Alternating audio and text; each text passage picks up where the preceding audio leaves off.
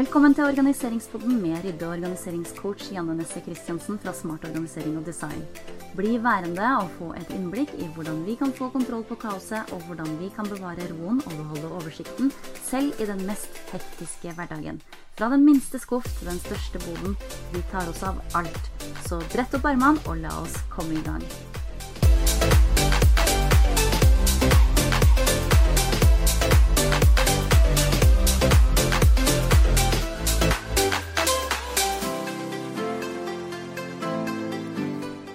Velkommen tilbake til Organiseringspodden. Janne her.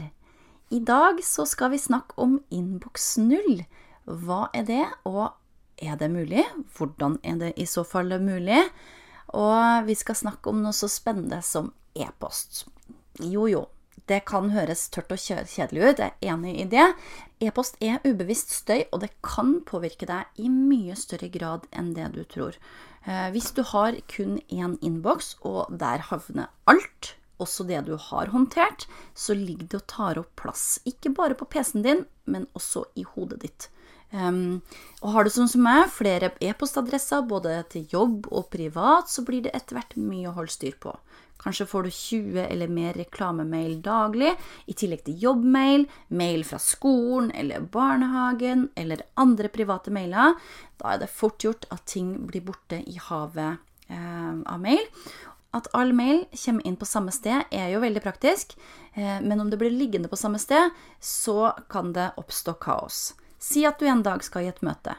Eh, noen uker før så fikk du en e-post fra sjefen din med dokumenter knytta til møtet. Eh, Idet mailen kom, så var du kanskje litt stressa, åpna e-posten og tenkte at det her får du ta hånd om seinere. Og så gikk tida, og plutselig kom dagen for møtet. Men hvor ble det av denne e-posten? Du legger inn alle mulige søkeord eh, uten å finne den igjen, og du leiter og leiter og blir mer og mer stressa. Sjefen sender jo mange e-poster i uka, så det er jo gjerne en del å gå igjennom. Endelig, der fant du den, og under et helt annet navn i tittellinja enn det du trodde. Om du ikke har noe annet system enn innboks, og som organiserer e-posten på en måte som ivaretar viktige dokumenter, så kan det bli mye leiting og høye skuldre. Før jeg tok tak i min innboks, så hadde jeg så mye som 24 000 e-poster liggende i systemet mitt. Det var helt vilt. Jeg hadde jo prøvd å slette litt underveis, men PC-en og telefonen min synka ikke helt sånn som jeg trodde, så det ble litt dobbel jobb. I tillegg så fikk jeg kun sletta ei og ei side med ti e-poster i hotmailen min den gangen, så jeg ga litt opp på veien. Derfor innboks null det er et mål som jeg har hatt uh, i lengre tid. Og Innboks 0 er da et uh, e-postsystem som ble uh, utvikla for å kunne få kontroll på uh, rett og slett e-postene sine. Men er det mulig å få null i innboksen? Og i så fall, hvordan kommer man dit? Og her er det ikke snakk om at man ikke skal ha noen e-poster liggende i det hele tatt, men det er snakk om å ha et system som gjør at du hele veien kan uh, flytte de e-postene som du må ta vare på, til riktig sted. Uh, hvis det bare har vært sånn at du kan slette all mail, så hadde det vært veldig enkelt. Så enkelt er det jo ikke, for vi verken tør eller kan gjøre det pga. all den viktige informasjonen vi har liggende der, som vi ikke har ivaretatt på noen annen måte enn å ha den liggende i innboksen. Og sjøl om du kanskje hadde sletta alle e-poster, så fylles jo den innboksen opp igjen i løpet av kort tid. Det er ikke alt vi kan kaste, som sagt. Det er mye informasjon som kommer inn, og det er en del ting som er viktig å spare på møteagenda, ukeplaner fra skolen, bestillinger du har gjort, osv. Hvor skal du gjøre av alt? Du trenger et mappesystem, eh, men hvilke mapper er det man trenger? Når det gjelder e-poster og mapper, så har vi her veldig ulike behov. For det her avhenger av hva slags jobb man har, og om man har flere ulike e-poster som hører til. Her må du se hva du har behov for, men noen fellesnevnere har vi jo.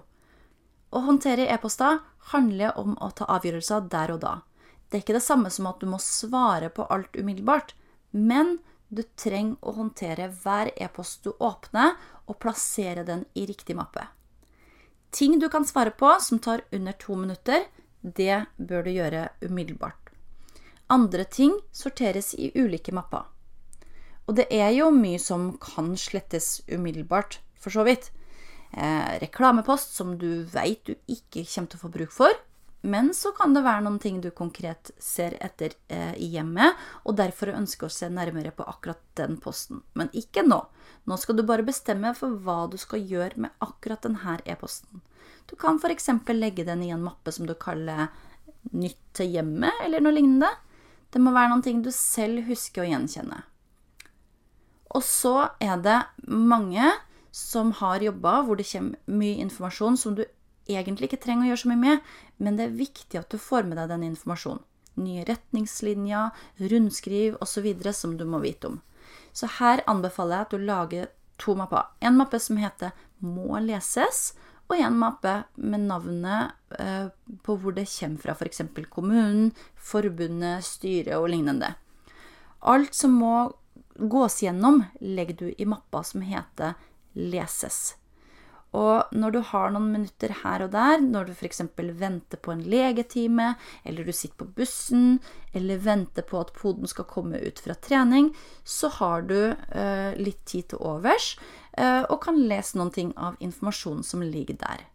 Og når du da har gått gjennom den aktuelle e-posten, så kan du legge den i mappa som heter f.eks. styre. Og så er det en mappe som jeg gjerne liker å kalle må håndtere-mappen.